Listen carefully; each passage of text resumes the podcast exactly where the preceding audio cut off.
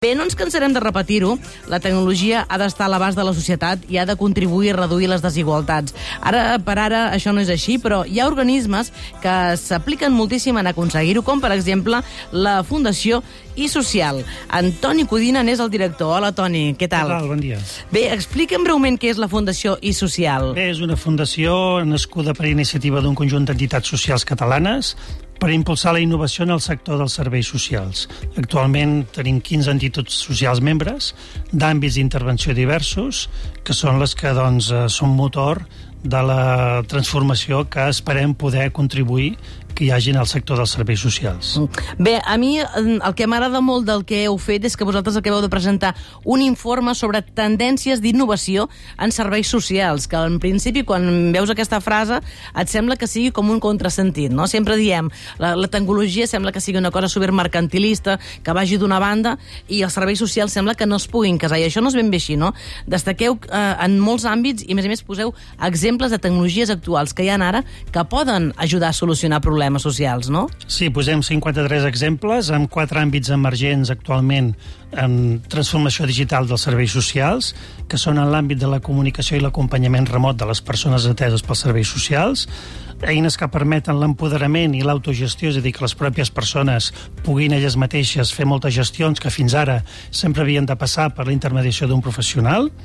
Un tercer àmbit és que n'hi ha moltíssimes eines que faciliten la millora de l'autonomia personal de persones en situació de dependència o de discapacitat i, finalment, eines d'intel·ligència organitzacional que permeten que siguin entitats del tercer sector, siguin ajuntaments, consells comarcals, puguin gestionar d'una manera més intel·ligent, més eficaç, el conjunt de serveis socials que presten a la ciutadania. Mm. És que actualment també hi ha al mercat i també en les institucions que han fet diverses solucions que van des de la robòtica, passant per la intel·ligència artificial, aplicacions per unir persones, no?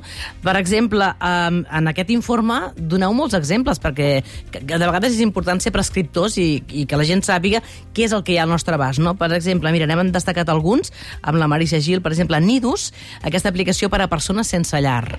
Sí, aquesta l'hem desenvolupat des de la Fundació i Social i és una aplicació per persones que viuen al carrer, que moltes d'elles avui en dia, mm, la majoria podem dir, perquè estudis que ho demostren, tenen aparell mòbil, tot i que sovint no tenen dades, i la, eh, hi ha diverses funcionalitats que té aquesta aplicació, i la principal és la caixa forta digital, que és una eina que els permet a les persones que viuen al carrer conservar de manera segura la seva documentació en el núvol, perquè un dels problemes que greuja més la situació d'exclusió de la gent que viu al carrer és quan perden els papers, perquè aleshores es dificulta molt més la seva reinserció a la societat i poder mantenir una còpia, encara que sigui una còpia digital de la documentació en el núvol de manera segura, això facilita moltíssim el seu procés de reintegració i normalització a la societat.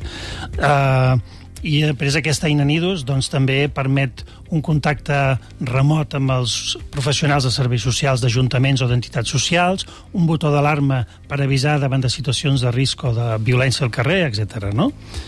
Clar, no, és que està escoltant i pensava que realment vosaltres coneixeu molt la realitat i jo crec que ara algú que està escoltant això li està esclatant una mica el camp, no? Que, no sé, penses, una persona que viu al carrer i és evident que teniu números, que la gent té telèfons mòbils i si també poden, eh, es pot treure partit d'això també s'ha d'utilitzar, no? Sí, el primer que es pregunta és, però la gent que viu al carrer té mòbil? Doncs avui en dia el 80% a Barcelona tenen aparell. Sovint no tenen dades, però es connecten a xarxes wifi, eh, perquè avui en dia, per, per, també ho sabem per la gent que arriba immigrada o refugiada, l'aparell mòbil ja no és un producte de luxe, és de primera necessitat, i per tant és l'últim que aquella persona evita de perdre, perquè allò és el que li permet tenir la connexió amb, amb persones conegudes, amb el món, Clar. i realitzar tràmits, etc. I és el que tu dius, que la documentació està més segura, gairebé al núvol, que no pas que, que a vegades pateixen fins i tot robatoris, no? Estan sí, perquè carrer. encara que els robin el mòbil o el perdin o se'ls hi trenqui, poden accedir a la seva documentació a través de un ordinador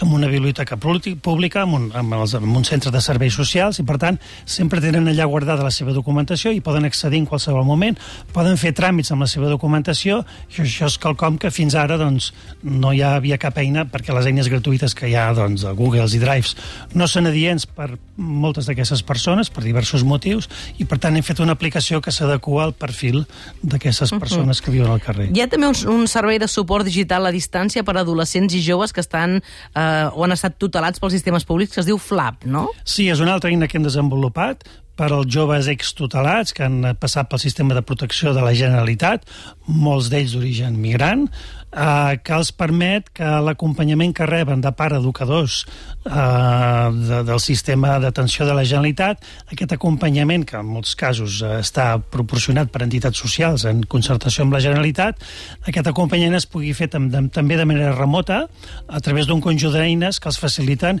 informació sobre els recursos que tenen a l'abast per al seu procés de, doncs, de trobar feina, d'arreglar els papers, de trobar habitatge i també l'acompanyament socioeducatiu que els professionals els donen, no?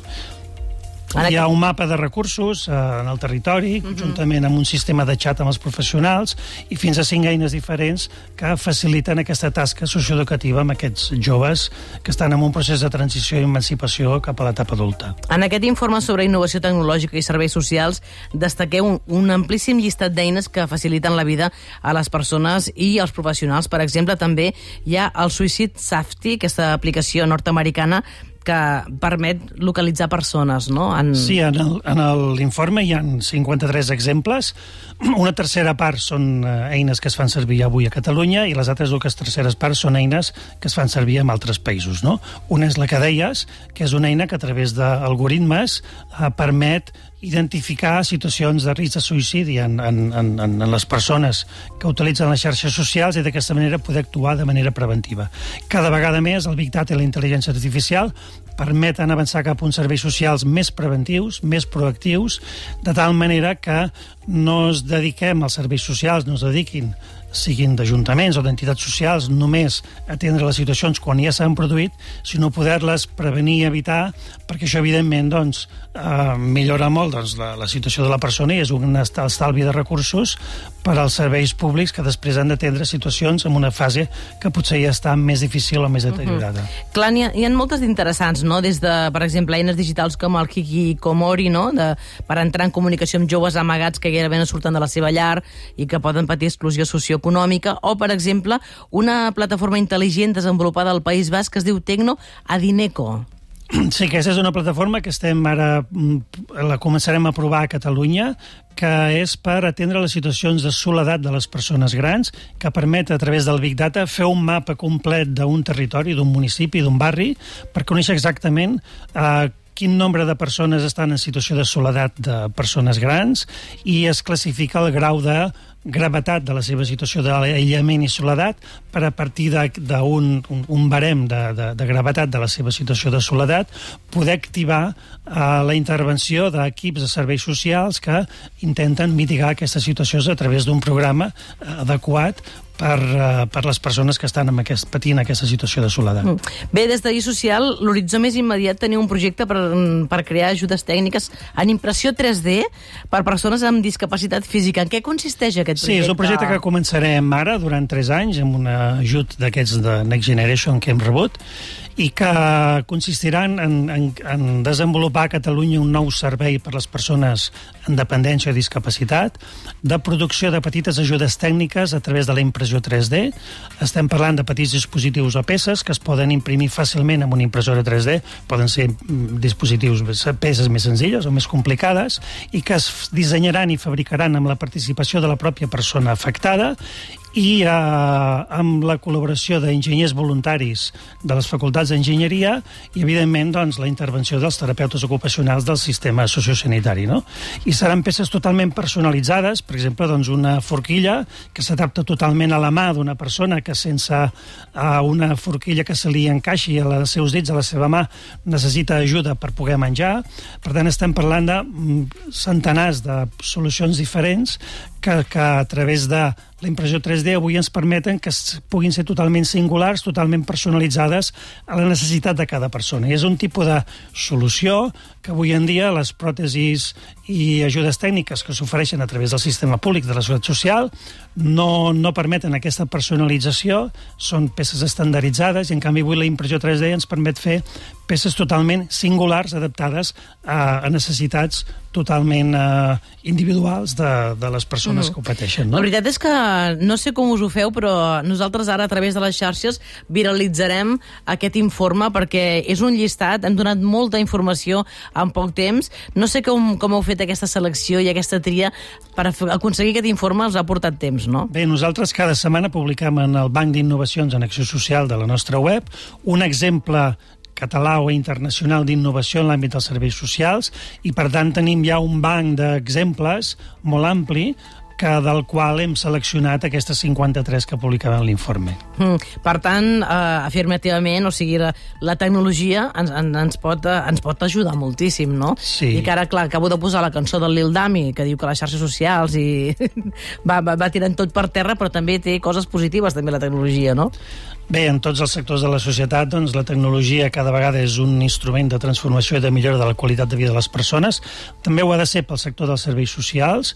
Nosaltres cada dos mesos fem un Inno Break en el qual, a través d'un un, un breu webinar, expliquem als professionals del sector a Catalunya quines innovacions poden fer servir i tenen a l'abast i, per tant, doncs, eh, seguirem treballant per contribuir a fer possible aquesta innovació i transformació que el sector dels serveis socials necessita. Mm. I no dir-vos que el dia que es va fer la trobada, perquè vau explicar aquest informe, també es va parlar moltíssim d'això d'atacar la bretxa digital, de fer alfabetització digital, i amb això també esteu. Per tant, gràcies Toni Codina, director de la Fundació i Social, i enhorabona per tota la feina que, que feu.